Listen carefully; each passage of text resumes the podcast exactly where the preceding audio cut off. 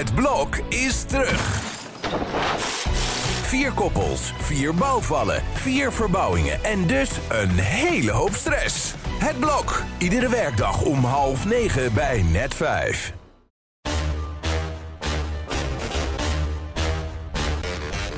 Dit is Trick Privé. De dagelijkse showbiz-update met Evert Zandgoeds en Jordi Versteegde. Op de laatste dag van mei. En dat was een eh, grapje wat uh, Giel Belen altijd maakte, uh, Evert. Want, ja, dat is waar. Nu neem jij het over. ja, Zit jij niet mee.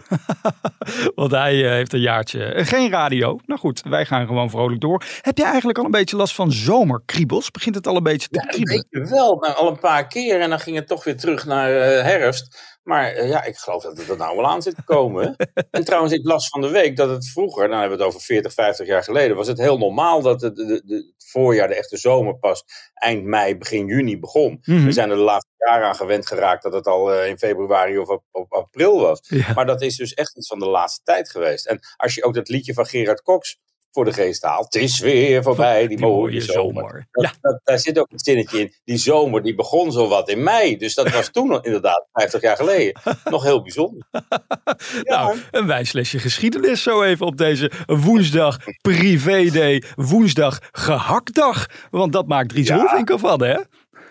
Zeker. Ja, nee, dat is, eh, het valt mee deze week. Er worden weinig mensen de pan gehakt. Al haalt nieuwe Wendy, de nieuwe vriendin van Peter Gillis in privé, wel erg uit naar Nicoleke. Oh. Maar ja, Nicoleke zal er niet meer zitten, want die is zelf ook onder de pannen met een leuke personal trainer die ze aan de haak geslagen heeft. En waar ze volop mee ligt, de personal trainer, denk ik. Want eh, ja, de filmpjes die, eh, die liggen even stil, geloof ik. Hoewel ze nog wat aan een, in een trein aan het doen was van de week. Hè? Oh, echt waar? Nou, eh, haar leven op de rit zou je zeggen. Enig op de rails wat op tijd komt, dat is Nicoleke. Lekker aan het hatsen flatsen met haar nieuwe vriend. In ieder geval zien we dat Peter inderdaad hartstikke verliefd is op, op Wendy. Dat eh, werd gisteren ook maar weer duidelijk in Basseijskassa. Echt in iedere zin komt eh, haar naam nu voorbij. Denk je dat eh, Peter en Nicole nog reparatiegesprekken gaan voeren om het ook weer een beetje goed te maken of dat niet? Om maar een bruggetje te maken naar Matthijs van Nieuwkerk. Nee, dat denk ik niet. Ik geloof dat ze wel eh, een punt erachter gezet hebben.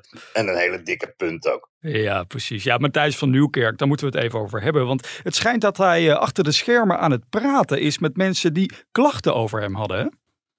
Nou, in ieder geval de visagiste die heel erg onheus door hem bejegend is. En dat was vooral in de tijd dat wij als privé al eh, over, schreven over spanningen achter de schermen van de wereld draait door. Een jaar of 14 geleden geloof ik was dat al. Hè? En eh, toen heeft zij uit het niets de schuld gekregen dat zij de bron was van, van dat verhaal.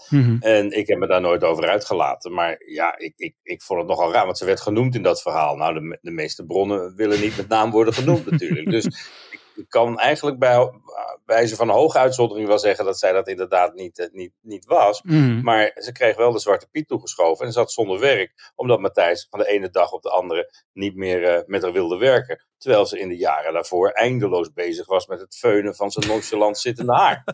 Ja, en uiteindelijk eh, op die manier ook haar baan verloor. Want ik geloof dat die feun toen weg moest. En, eh, maar hoe denk je dat die... Nou, die- ze kon er niks meer van. En eh, wat erachter zat is dat hij daar haar niet meer vertrouwde. Hm. En ja, beter had hij zich de verhalen toen te hard te kunnen nemen. Dan was de ellende die, die, die later op hem afkwam, die was dan voorkomen geweest waarschijnlijk. Denk je dat dit gesprekken voor de bühne zijn? Of komt dit echt vanuit Matthijs, vanuit zijn gevoel van ik moet dit doen? Nee, ik denk dat hij dat wel wil doen. En als hij eh, terug wil komen, dan, dan moet hij ook zeggen dat hij wat gesprekken gehad heeft. En eh, ja, dat onderzoek loopt nog.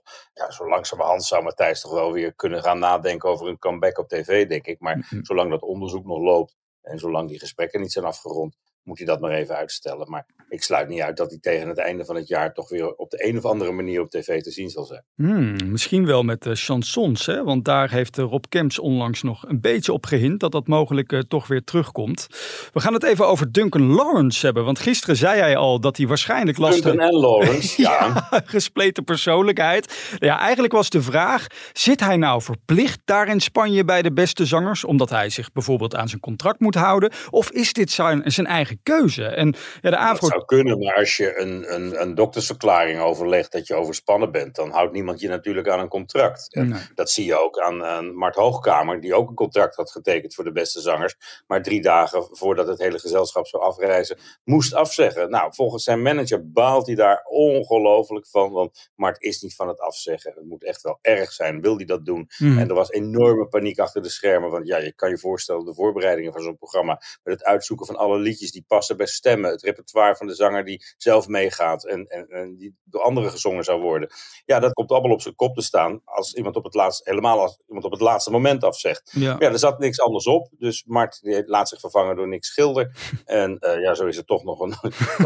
Het- ja, ik denk ook. Wat je, gisteren dacht ik Nick Schilder Ja. weer. Ja. Maar ja, toen wist ik nog niet het verhaal wat erachter zat. Dat Mart dus op het laatste moment had afgezegd. Ja. En ah ja, ik denk dat je Nick er wel bij kan hebben. En dat het toch wel weer een heel mooi seizoen wordt. Ook met de 85-jarige Marco Bakker erbij. Ja, er staat nog een mooi interview eh, van op telegraaf.nl eh, wat we met hem hebben gehad. En nog heel even toch over Duncan Lawrence. Vind jij niet dat de Afro-Tros dan een verantwoordelijkheid heeft? Zo van, oké, maar als jij mentale problemen hebt, dan willen we jou helemaal niet meenemen. Want zo zit ik een beetje in de wedstrijd. Ik vind het toch wel een lastig ja, maar verhaal. het speelde natuurlijk wel mee dat iemand anders ook al afgezegd had. Ja. En ik denk dat ze geprobeerd hebben hem aan boord te houden. Maar als het niet gekund had, dan hadden ze dat zeker niet gedaan. Want ja, eh, eh, problemen ter plekke. Het moet een vrolijk programma zijn. En Ja. problemen ter plekke wil je natuurlijk niet. Hadden ze misschien beter de offsiders mee kunnen nemen? Wilfred Gené en die van de Nee, meiden. zeker niet. een nieuw trio. Laten we nog heel even naar het liedje luisteren. Kom op, lekker vrolijk. In het zonnetje. Want eh, vrijdag lieten we hem hier al horen in deze podcast. Ja, een gelegenheidstrio. Maar eh, Haat klein woordjes. Dus dit liedje, dat is echt een gruwel. Wat bij het balkonnetje.